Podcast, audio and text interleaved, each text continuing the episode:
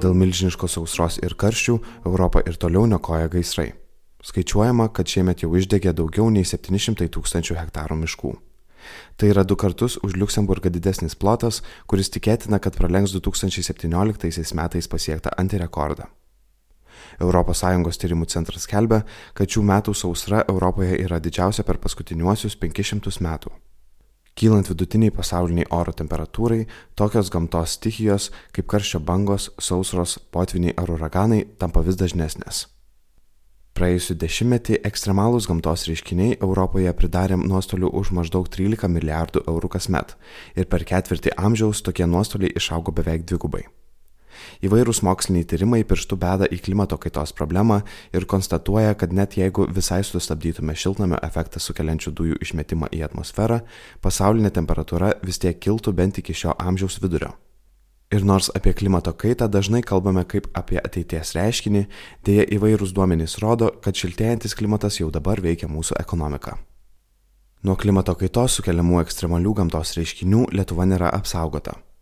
Svetbank ekonomistų atliktas tyrimas rodo, kad 1980-2017 metų laikotarpiu ekstremalūs gamtos reiškiniai mūsų šalyje pridarė nuostolių už daugiau nei 1 milijardą eurų. Taigi kiekvienas iš mūsų per šį laikotarpį jau sumokėjome po kiek daugiau nei 300 eurų. Gamtos stichijos ekonomika veikia keliais skirtingais būdais. Pirmiausia, tai yra tiesioginė apčiopiama žala pastatams ir infrastruktūrai.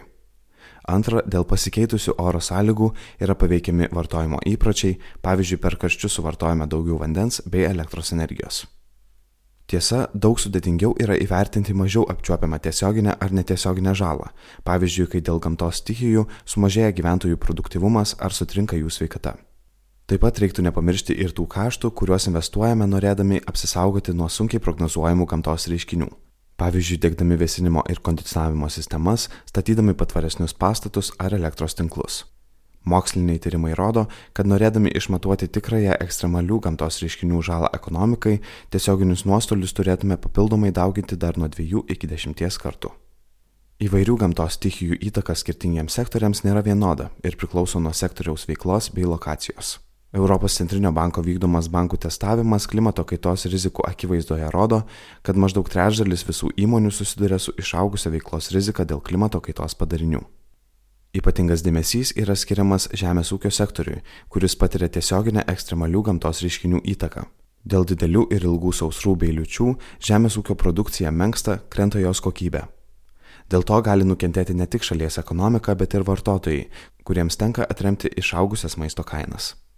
Klimato kaitos sukelti ekstremalūs gamtos reiškiniai gali turėti tiesioginės neigiamos žalos ir energetikos sektoriui, kadangi audrų metu dažnai pažeidžiami elektros tinklai ar kitaip sutrikdomas energijos tiekimas. Karščiai ir nusekusios upės taip pat gali prisidėti prie išaugusių elektros kainų ar net energijos trūkumo. Iliustratyvi dramatiška situacija šiuo metu vyksta Kinijoje, kur dėl sausros ir karščių bangų hidroelektrinės negali veikti pilnu pajėgumu. Reaguodama į susidariusią situaciją, Kinijos valdžia įvedė elektros energijos tiekimo apribojimus gamyklose, trumpinamos net prekybos centrų darbo valandos. Panaši situacija, nors ir netokia dramatiška, yra ir Norvegijoje, kurioje hidroelektrinės pagamina 90 procentų visos naudojamos elektros šalyje. Dėl sausrų ir nusekusių upių elektros pagaminama mažiau, todėl šalis yra priversta riboti elektros eksportą. Tuo metu Prancūzijoje, kuri yra didžiausia Europos brandolinės energijos gamintoja, kelios atominės elektrinės buvo priverstos veikti mažesniu pajėgumu, nes reaktoriams skirto aušinti upių vandens temperatūra tapo per aukšta. Dėl šios priežasties elektros gamyba šalyje sumenko, o ateities sandorių kainos dar labiau išaugo ir pasiekė rekordinės aukštumas - net 1500 eurų už megavatvalandę. Transporto sektorius taip pat gali pajusti sausrų padarinius. Pavyzdžiui, dėl sausros rekordiškai nusekęs Reino upės Vokietijoje vanduo trikdo prekių gabenimą laivais. Reiktų nepamiršti ir žemės ūkio bei statybų sektoriuose dirbančių darbuotojų, kurie didžiąją darbo laiko dalį praleidžia laukia. Didelių karščių metu darbuotojų produktivumas krenta, o darbas laukia gali būti netgi pavojingas jų sveikatai.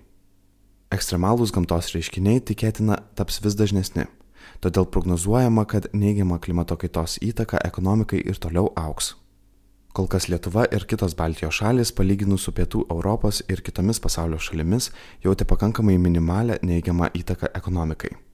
Visgi Svetbank ekonomistų skaičiavimu, klimato kaitos sukeltų ekstremalių gamtos reiškinių žala iki 2040 metų Lietuvoje beveik padvigubės ir pasieks maždaug 170 milijonų eurų per metus. Taigi, susiduriant su išaugusia ekstremalių gamtos reiškinių rizika, turime išmokti ne tik prisitaikyti, bet ir investuoti į gyvenimo adaptavimą prie klimato kaitos. Visgi čia svarbu nepamiršti, kad su klimato kaita turime kovoti ir keisdami savo įpročius dažniau rinkdamiesi žalesnes vartojimo bei judėjimo alternatyvas. Komentarą paruošė Svedbank ekonomistė Greta Ilekytė. Įgarsino Kristijonas Vaičiukauskas.